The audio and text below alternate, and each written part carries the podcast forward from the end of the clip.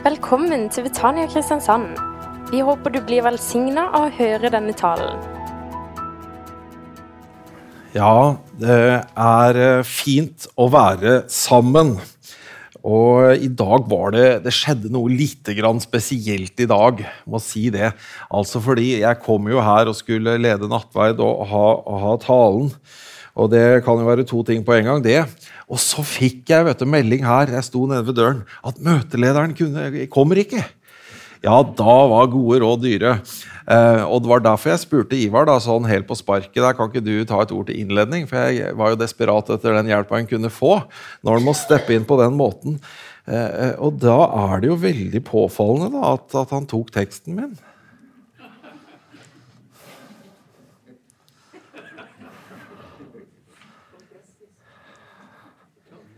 Det føltes egentlig veldig bra. Dette er det vi skal se på i dag. Såmannsteksten. Det er det jeg ble stille for. Og det, interessant nok da, så, så, så, var det ikke det jeg var stille for i går, men det ble sånn i morges. Og nå, nå ble det sånn når Ivar bladde i Skriften. Og vi skal da se Jeg, husker ikke, var det Markus? Den fins jo i alle evangeliene her, men det er altså i Markus evangelium, kapittel 4, og vers 3 til 8. Fordi evangeliet om Jesus, det, det er fortellingen om Jesus og de fortellingene han fortalte.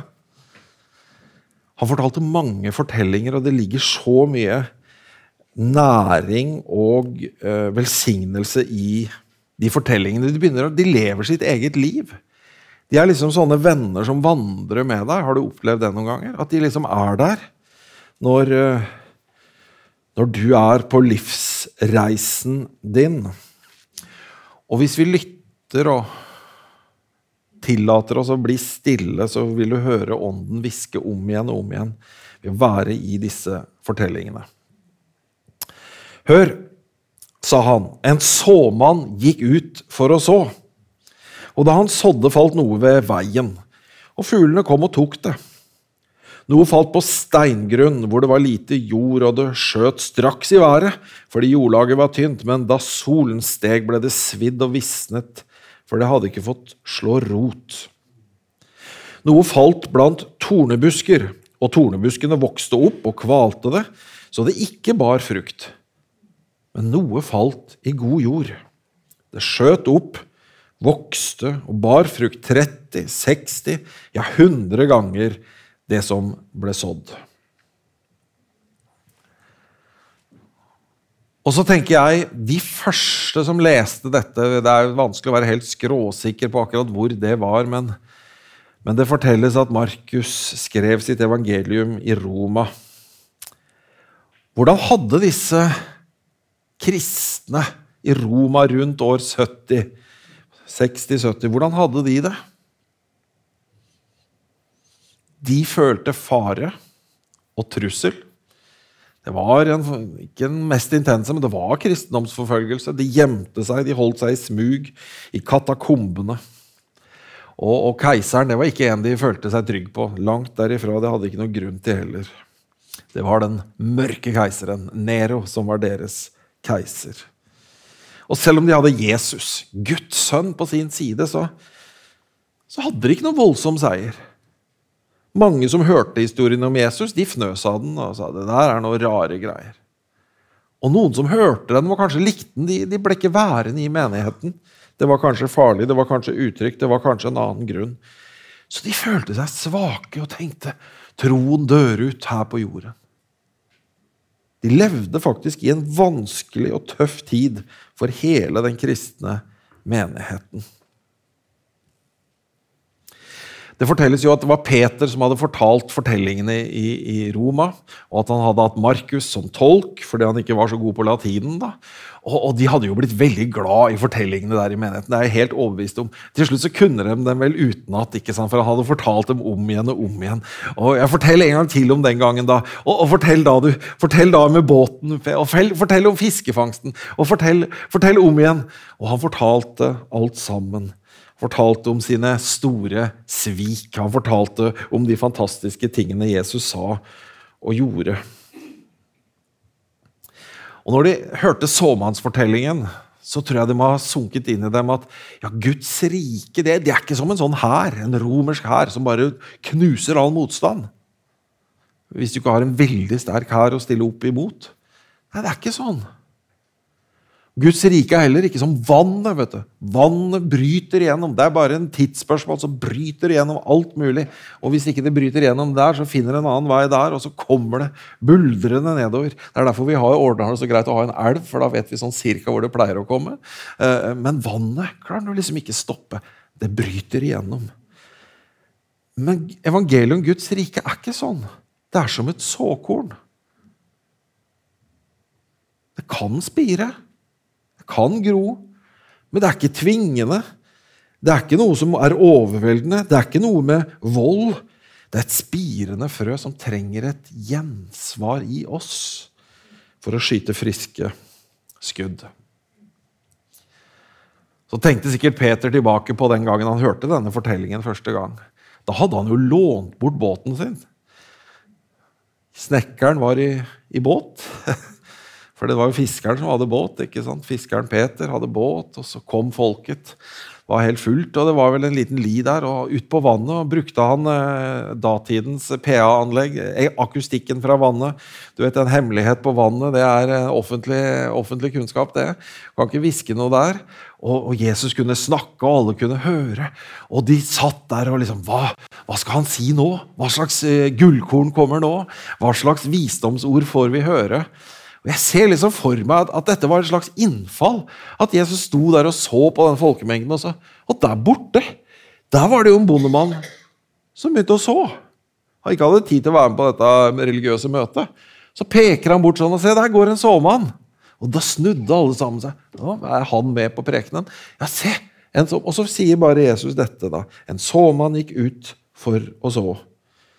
Noe falt ved veien, noen fant ved stengrunn, og noe falt i tornebuskene, men noe falt i god jord.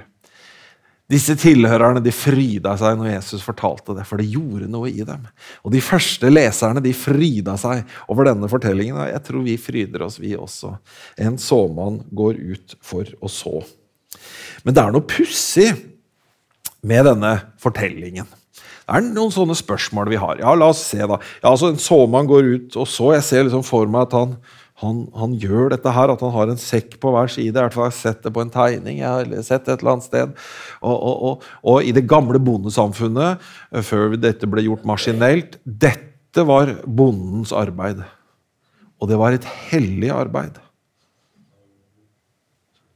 såarbeidet. Og så var det litt teknikk òg. Du måtte spre vifta ganske jevnt. da, ikke sant? Du ikke fikk alle korna i én grøft og ingen i neste. Så litt sånn trening måtte du jo ha. Men dette var såarbeidet. Og liksom i, i bondekulturen, som er liksom denne eh, landbruks-, jordbruksrevolusjonen som svøpte over verden, så, så, ble dette en hellig handling. En hellig handling. For det er klart, dette hang, avhang jo liksom framtida av. Hvordan det skulle være neste år, avhang av at dette ble vellykka. Så dette var en, en stor ting. Så sår han. Og hva er såkornet? Jo, det, det er jo ordet, det. Det er nettopp det Jesu ord er. Det er sånne korn som i seg selv er liksom små, men så kan de lande i hjertet vårt, i hukommelsen. Og så kan det ligge der, og så kan det liksom begynne å Så brister liksom knoppen. Den gjør jo det nede i jorda. ikke sant? Og så skyter det opp av frøet.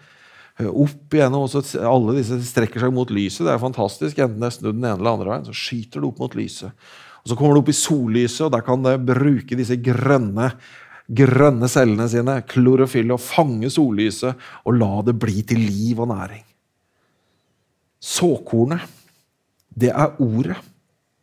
Og Jesus identifiseres med Guds ord i, i Johannes evangelium når han sier i begynnelsen var ordet. Ordet var hos Gud, og ordet ble kjød. Det er liksom Jesus er ordet. Det er en identifisering. Dette mennesket, mannen fra Nasaret, han har denne kvaliteten i seg. Og han er med oss, og han utfordrer, og han gir liv. Han er mannaen fra himmelen. Veien, ja. En tenker jo det at det er jo ganske dum eh, såmann som sår på veien, tenker vi. Vi har jo asfalterte veier dimensjonert for hva er det, Hvor mange akseltonn eh, Hva er trykket der?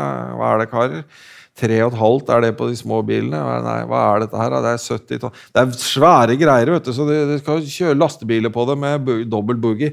Eh, det var jo ikke sånn på Jesu tid. Så, så det derre veien var gjerne usynlig, det. For det var ikke dimensjonert for hestekjerre, f.eks. Det var de romerske veiene. Det var stier. Så på åkeren så så, så, så du kanskje ikke stien. Du, han visste nok hvor stien var, han som var godt kjent på jordet. Men det var en sti der det ble hardtrampa. Så det kunne sett tilforlatelig ut som resten av jordet. Veien. Denne stien mellom åkerlappene. Der man pleide å gå, hvis mange nå går der, så blir det hardt, og da blir det vanskelig for, for såkornet å få tak der. Men det var bare en smal stripe, det, vet du, som en sånn sti, en skogsti. Eller oppe i Lyngheia. Du vet, Det gjelder å holde seg på stien. Jeg, jeg, mista stien en gang. Det var ikke noe snarvei den snarveien jeg prøvde meg på den gangen, gjennom, gjennom, gjennom Lyngen. Nei, det, det, det, brukte vi en halv time ekstra på, den der 200 meterne gjennom Lyngen. ikke sant? Ja, Du må holde deg på stien. Lett å miste den. Stengrunn. Har du sett steingjerdene på Jæren? Det forteller en historie om at her har det vært stort sett bare steingrunn. Og så har det vært da å grave opp stein etter stein og så lagre dem. Og hvor skal du gjøre av dem? Ja, vi får lage gjerder, da. Det er noe, i hvert fall litt nyttig.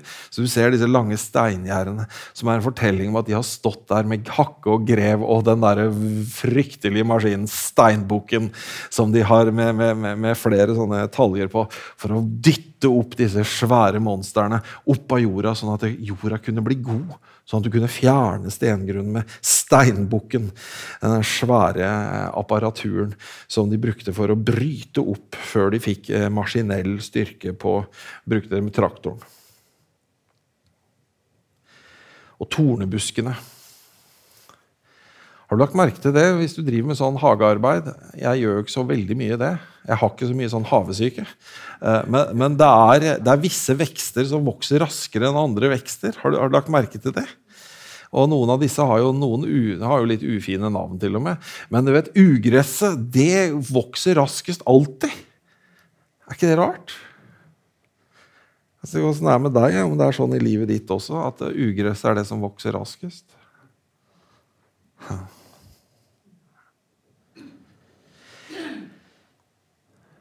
Så Jesus forteller denne fortellingen til tilhørerne, og de vet at det er ikke så sjelden at de sådde før de pløyde. De bare sådde ut. Så håpte de da at de med plogen kanskje var en ard, sånn enskjærsplog de brukte der. Og, og, at de da kunne liksom, ja Hvis det var bare litt sti, så kunne de bryte opp det så det ble, fikk velta dette her, og det ble greit. Eller hvis det var noe småstein, så kunne de få dratt det unna. Eller hvis det var noen sånn tornefantaster, så fikk de revet disse fæle røttene opp.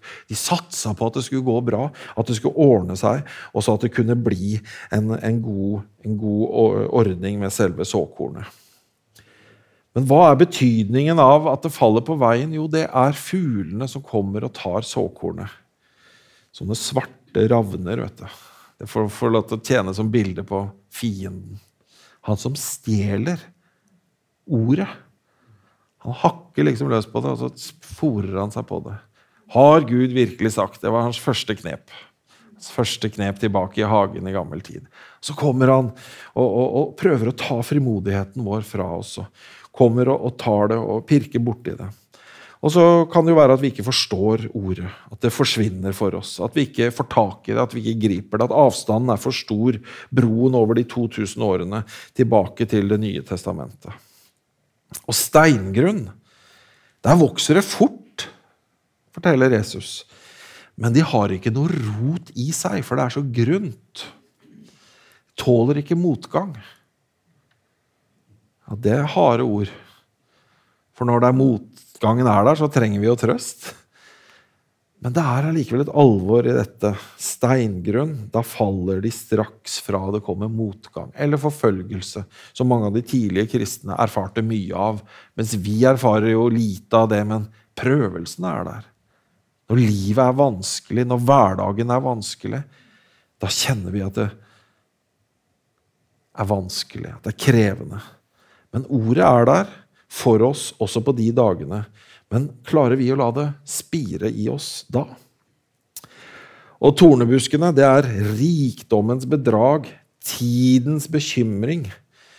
Et sted så står det 'øynenes lyst'. Bare se på dette verset fra 1. Johannes 2. Skal vi se her, nå ble det feil rekkefølge.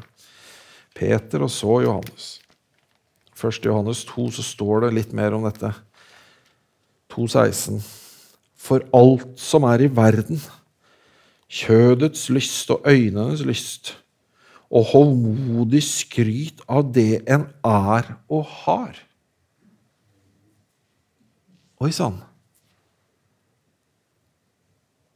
Hovmodig skryt av det en er og det en har, og ikke av Faderen, men av, er ikke av Faderen, men av verden. Ja, det en har, ja. Ja, altså, hvor mange ting må man eie? Det ikke, dette kan nok være individuelt, altså, men det er jo fint å eie ting. Men no, du vet at det er en overgang fra at du eier noe, til at det eier deg?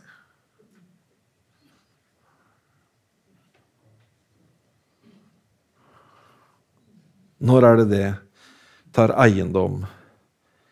Tidens bekymring, øynenes lyst. Det kveler ordet, og det er rikdommens bedrag så står vi igjen da med at dette er liksom en sånn, en sånn tekst som liksom, har liksom denne undringen i seg. Hvorfor er det noen som tar imot ordet? Hvorfor er det noen som ikke gjør det?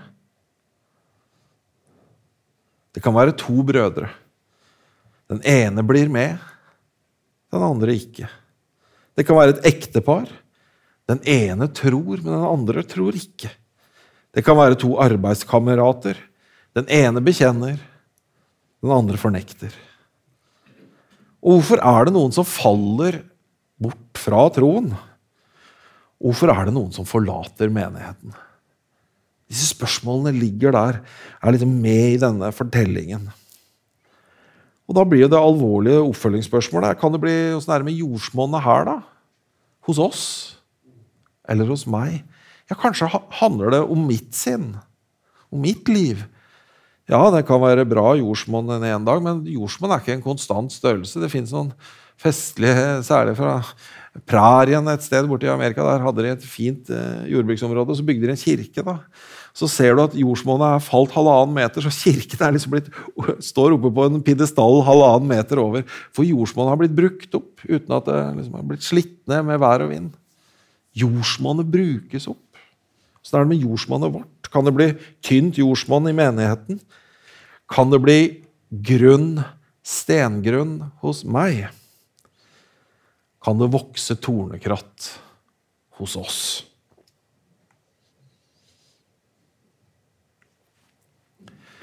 Så oppi denne fortellingen hvor en tenker så man, du må så mer målretta, må så på de gode flekkene, så ligger denne hemmeligheten, dette, dette visdommen som ligger da i denne fortellingen, er at at såmannen vet ikke alltid hvor det er god jord, og hvor det er stengrunn.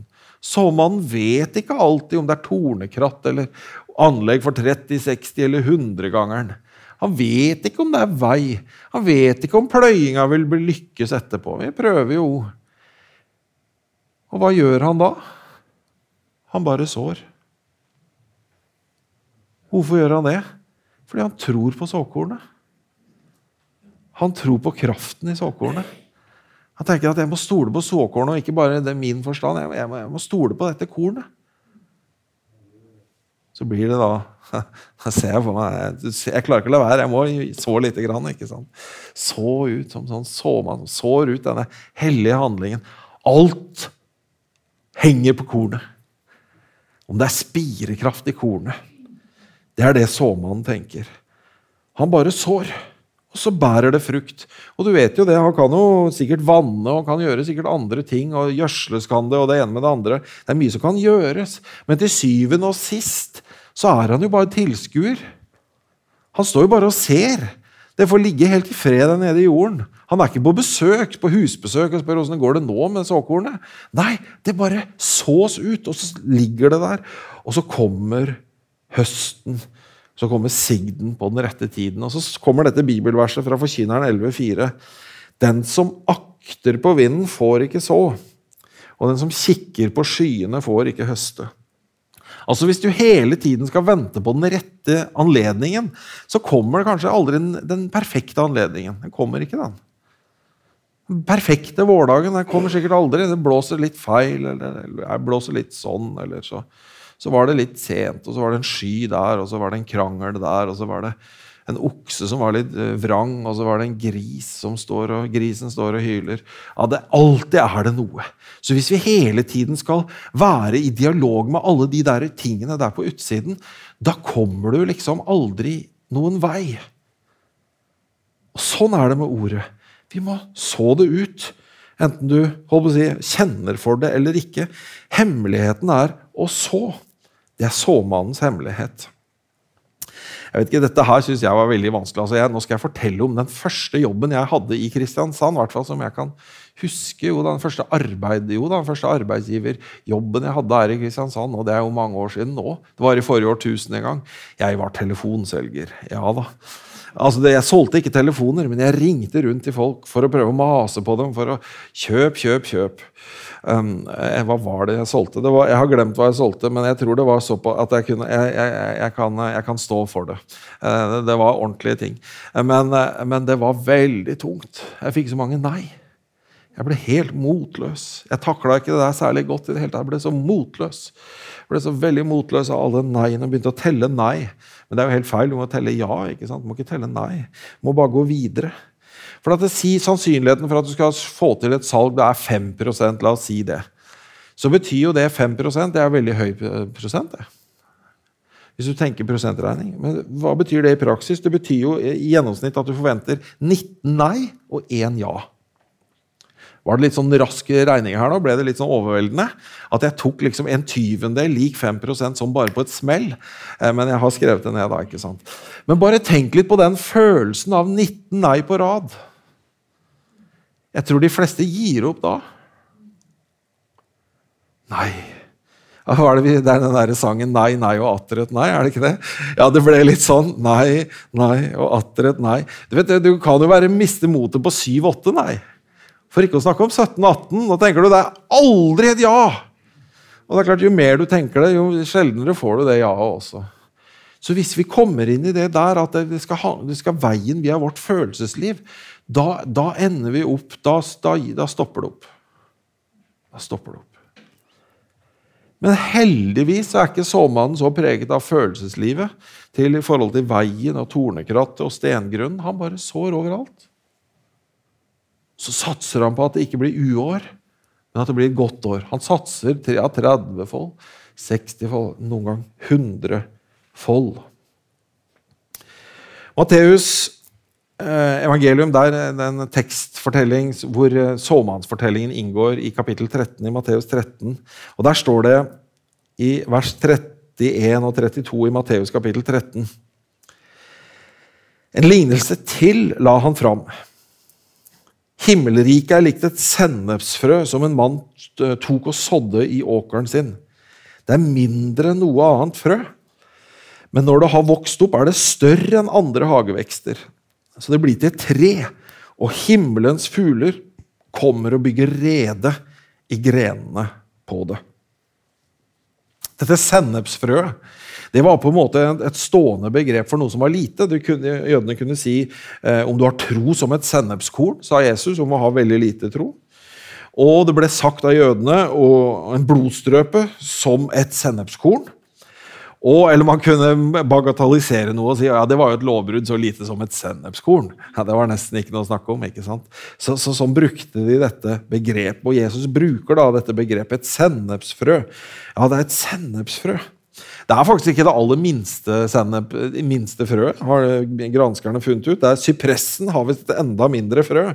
Men det Jesus brukte det fordi det var et lite frø, og, og at det var et sånt ordtak at det hadde ord på seg for å være det minste frøet.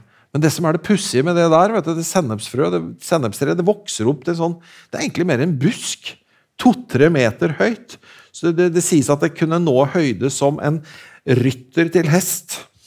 Ja, det er vel En sånn der, en rytter må vel være til hest, eh, antar jeg. Men eh, ok, det får være en ridende rytter til hest. Eh, men sånn var det. To-tre meter høyt. Og mange så på sennepsfrøet som et ugress. Så når, liksom, det er akkurat sånn at hvis, hvis, Jesus hadde blitt utsatt for sånn rettelse, så hadde folk sagt ja, Jesus, du bør velge et annet frø. Du bør velge det der, f.eks. en eikenøtt, for det blir et eiketre som er så veldig vakkert. Eller der nede har du jo ikke eiketrær, der har de terrebinter. Ja, Du må velge et flott tre, ikke det derre ugresset. Nei, jeg vil ha ugresset, sier Jesus, fordi det er så lite, og så vokser det opp, og så kommer det masse fugler og sitter i grenene. Masse fugler, hvorfor kommer de det? Jo, fordi de smaker så bra. Det er, det er sennep. ikke sant? Det er, det er, si, det er, du må ha det på pølsa. ikke sant? Du må, du må ha, det, setter en ekstra smak på det hele. ikke sant? Det er det som er. Så Jesus henter fram disse bildene. Det er så lite, men det smaker så godt, så fuglene kommer flyvende dit. Du skjønner, Det forteller noe med evangeliet. Det kan være så lite at noen syns ikke det er noe å snakke om. Det kan være sånn at folk tråkker på det kaster det bort og ikke vil høre på det. Men du skjønner, hvis du lar det spire opp, så er det noe som sier nei, ugress, få det vekk, få det bort, alt sammen. Vi kjenner jo uh, lusa på gangen. Vi hører det noen gang når vi leser lesebrev, og vi syns vi hører det mellom linjene på enkelte mennesker som uttaler seg offentlig. De liker ikke det vi liker. De liker ikke evangeliet om Jesus. De gjør ikke det. Men du skjønner, evangeliet det er de der velsmakende frøene. Du må få liksom smaken på det.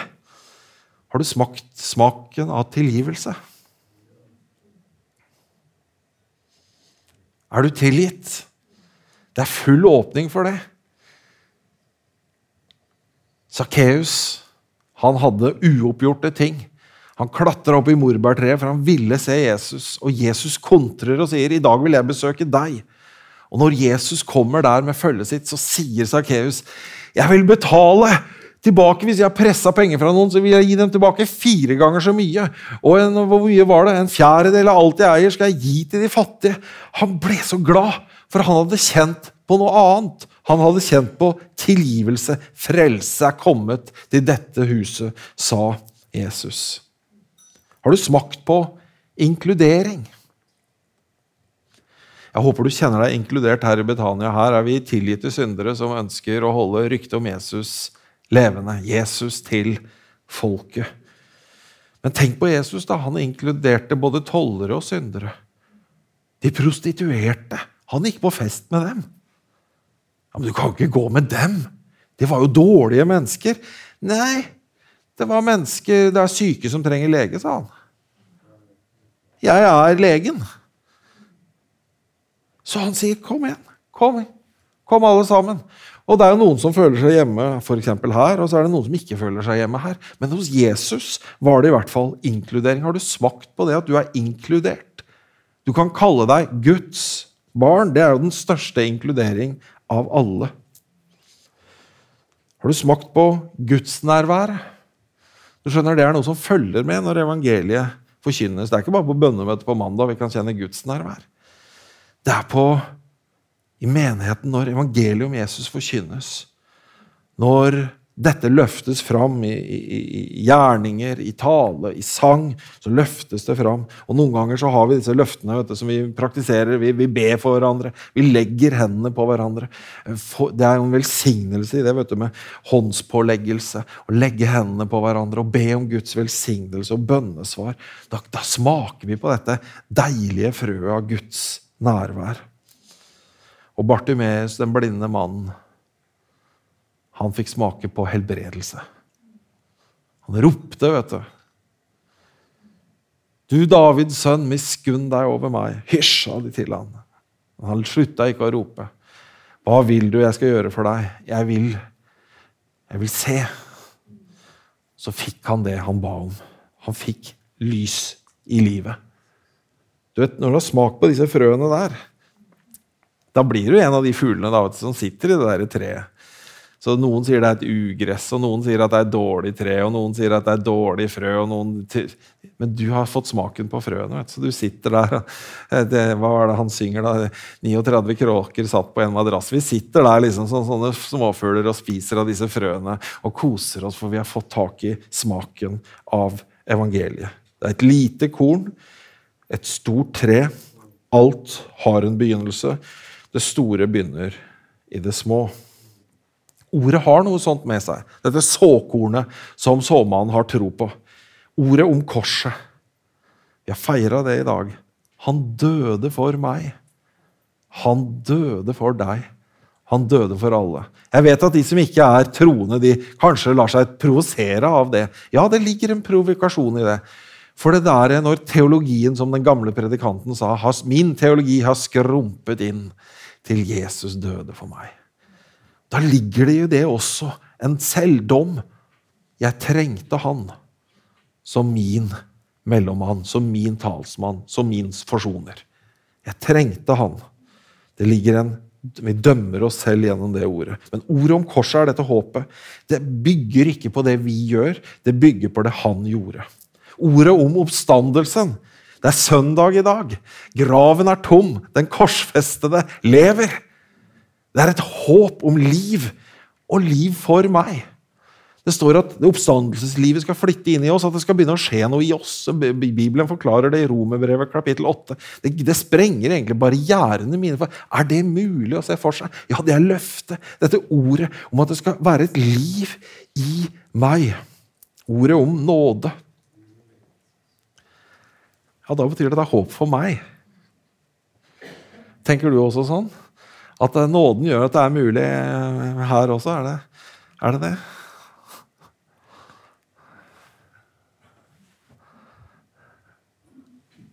Nåden er her. Ordet om nåde og ordet om forsoning. Det betyr fred i meg. Og du vet, Det kan vi ta inn i livet, og noen ganger så hjelper det oss til å finne forsoning i våre sårede relasjoner på tvers også. Korset har jo en tverrligger. Og når vi får hjelp av, av forsoningsundervisningen i Bibelen til å bli forsonet med de rundt oss, så blir det et bedre liv. Altså, det, det, er noe rikt ved det. Og så er vi forsont med Gud og har fred med Gud. Såmannens hemmelighet er at han tror på ordet, på frøet, og det har spirekraft i seg selv. Ja, lignelsen om såmannen tar til oss. Men hvem er egentlig såmannen? Hva var det du sa, Øyvind? Du og meg, sa Øyvind. Ja. En kunne jo si at det er Jesus som er såmannen, eller Den hellige ånd. og Det vil ikke være helt feil, noe av delene. Men utfordringen er jo at det er meg og deg. Det er meg og deg. Jeg kan være såmannen i lignelsen. Du kan være det. Det er derfor vi har dette med bro til tro, som vi, vi jobber med.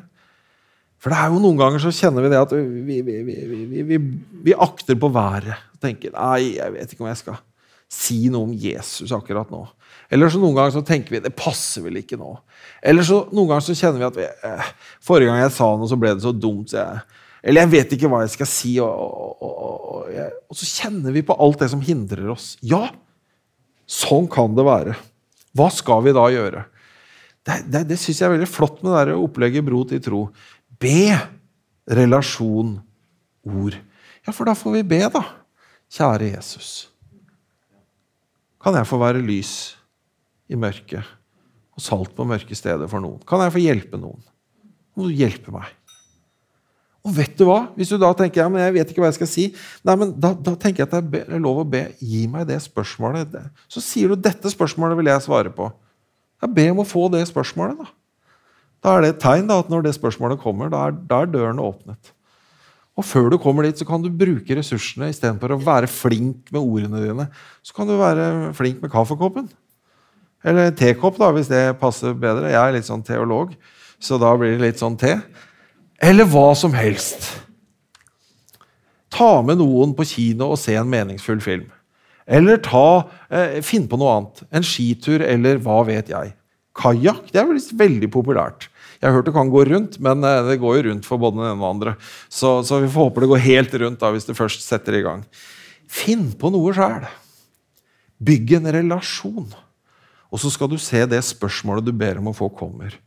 Det kan være en annen måte å komme i gang på dette med såmannen, istedenfor at vi liksom føler at vi skal være sånn eller være sånn, eller at vi ikke er sånn. Det er også hjelp å hente fra matematikken. Det er noe som heter den store talls lov. Hvis vi bare holder på, så kommer det til å skje noe. Jeg har veldig tro på det vi holder på med i dag. Møtevirksomhet, offentlig møte med en åpen dør. Jeg vet at det noen ganger fungerer som en vegg. Men vi har en åpen dør. Vi, vi inviterer alle. Og plutselig så kommer det som jeg sier noen ganger, det kommer noen rekende. Det er det som er poenget. Vi håper at det skal komme noe rekende. Så hold, ja, men Det skjedde ikke noe i dag og ikke i fjor heller. Ja, men vi holder på. Vi holder på. Ja, kanskje vi er gjennom de der 19 nei-ene nå. Det er veldig tungt. Ja, men det er jo ikke noe vits å slutte. Vi holder jo bare på. Så kommer det der til å snu. At du har litt den der store tallets lov. Vi bare fortsetter. Prøv om igjen en gang til. De hadde fisket hele natten og ikke fått noen ting. Så kommer snekkeren. Åh, Så irriterende at fiskerne får fisketips fra snekkeren. Og tømmermannen Jesus sier, 'Kast garnet ut på andre siden'. Pøh! Det er ikke noe fisk der, tenkte fiskeren. Men så kasta han ut. Enda en gang. Så ble det en fangst. Sånn kan det være også for oss. Kast ut noten en gang til. Og du skjønner, Det ligger en stor velsignelse i det. Bare se det som står i 2. Korinterbrevet kapittel 9 og vers 6-10. Der står det 'Den som sår sparsomt, skal høste sparsomt'. Ja, det kan vi tenke på når det gjelder kollekt og, gaver, men vi kan også tenke på det med, med ordet. Og den som sår rikelig, skal høste med rik velsignelse. Enhver må gi slik som han setter seg fore i sitt hjerte, ikke med ulyst eller av tvang, for Gud elsker en glad giver. Ja, det er nok kollekttalen, det her. Og Gud er mektig til å gi dere all nåde i rikelig mål, for at dere alltid i alle ting kan ha alt dere trenger til, og ha overflod til all god gjerning. Tenk på det. Vi skal ha nok og mer enn nok.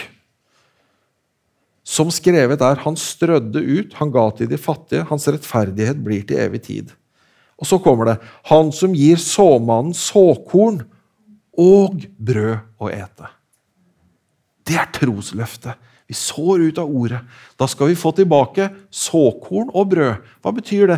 Jo, at vi skal få til det vi trenger. Brød. Vi trenger næring til vår sjel. Vi trenger trøst i kampen. Vi trenger hjelp i motgangen. Vi trenger det på dager at det, er vanskelig. Ja, men han gir oss brød.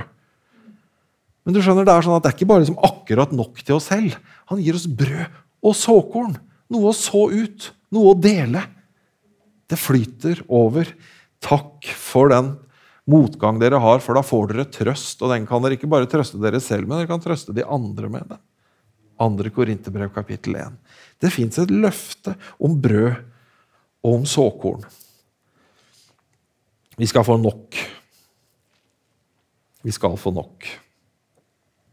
Og da kommer denne utfordringen som ligger under i denne talen. Menighetene våre er til fordi vi skal nå. Vi er her for de som er nærmest oss, Kristiansand. Vi er her for Agder. Vi er her for Norge. Og vi er her for de som er like til jordens ender. Vi, vi støtter Thailand-misjonæren Tore Johannessen. Der er det gudstjeneste i dag. Der er det noen som blir frelst. Det har vært mange som har blitt døpt der nå i det siste. Vi sender penger til Ukraina. Der er de med i disse brødrene der som vi kjenner. De, de er med i feltpresttjeneste. De reiser til fronten, deler ut mat og, og hjelper det de, de, kan hjelpe. Og så ber de. Og de sier alle vil ha forbønn. Alle vil ha forbønn nå. Så er vi der, da.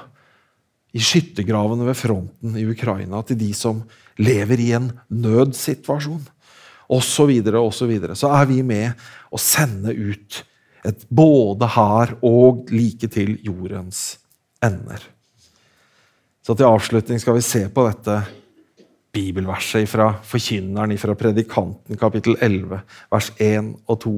Kast ditt brød på vannet, for med tiden vil du finne det igjen. Del det du har med sju eller åtte for du vet ikke hva slags ulykker som kan hende på jorden. Det er noe herlig ved det. Ja, jeg har til sju. Jeg deler ut til sju. Ja, men åtte, da. Én til. Og jeg har et personlig forhold til det bibelverset. For du skjønner, Min mor hun hadde fem barn, hun.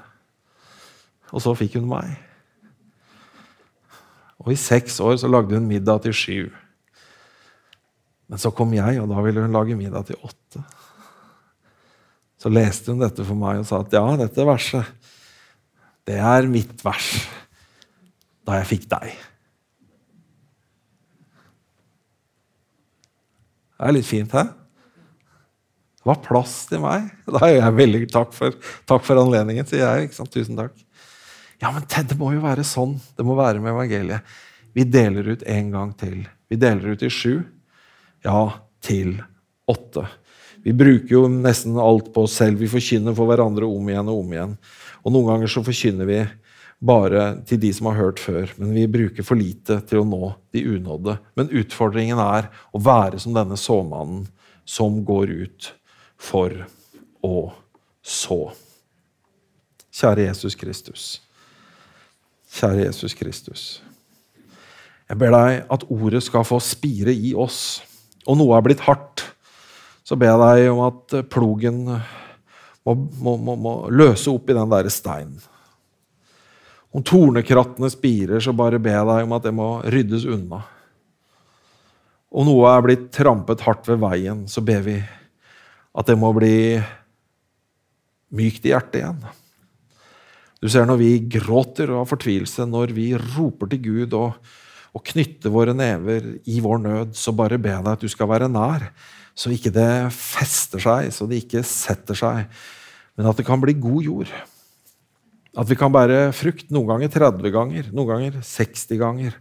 Og noen ganger kan vi høste mirakelhøsten hundregangeren, som Isak høstet hundrefold i tørkens år. Takker deg, Herre Jesus Kristus, for at du har nok for oss, selv om vi lever i tørketider åndelig sett. Om vi kjenner at det er tørketid i vårt liv, så har du allikevel velsignelse nok til oss. For du sendte manna fra himmelen til ørkenvandrerne, israelittene. Jeg takker deg for det, Herre Jesus Kristus. Jeg ber deg om at din ånd skal levengjøre ordet i oss. Og gjøre oss, Herre, til god jord, at det kan få spire i våre liv. Og så gir du oss nåde til å dele ut en gang til. Kaste garnet en gang til. Til å dele ut til sju, ja, til åtte. Til å sende brødet ut uten å kreve noe tilbake. Og så har vi ditt løfte på at i tidens fylde vil vi se at det kommer igjen. Amen.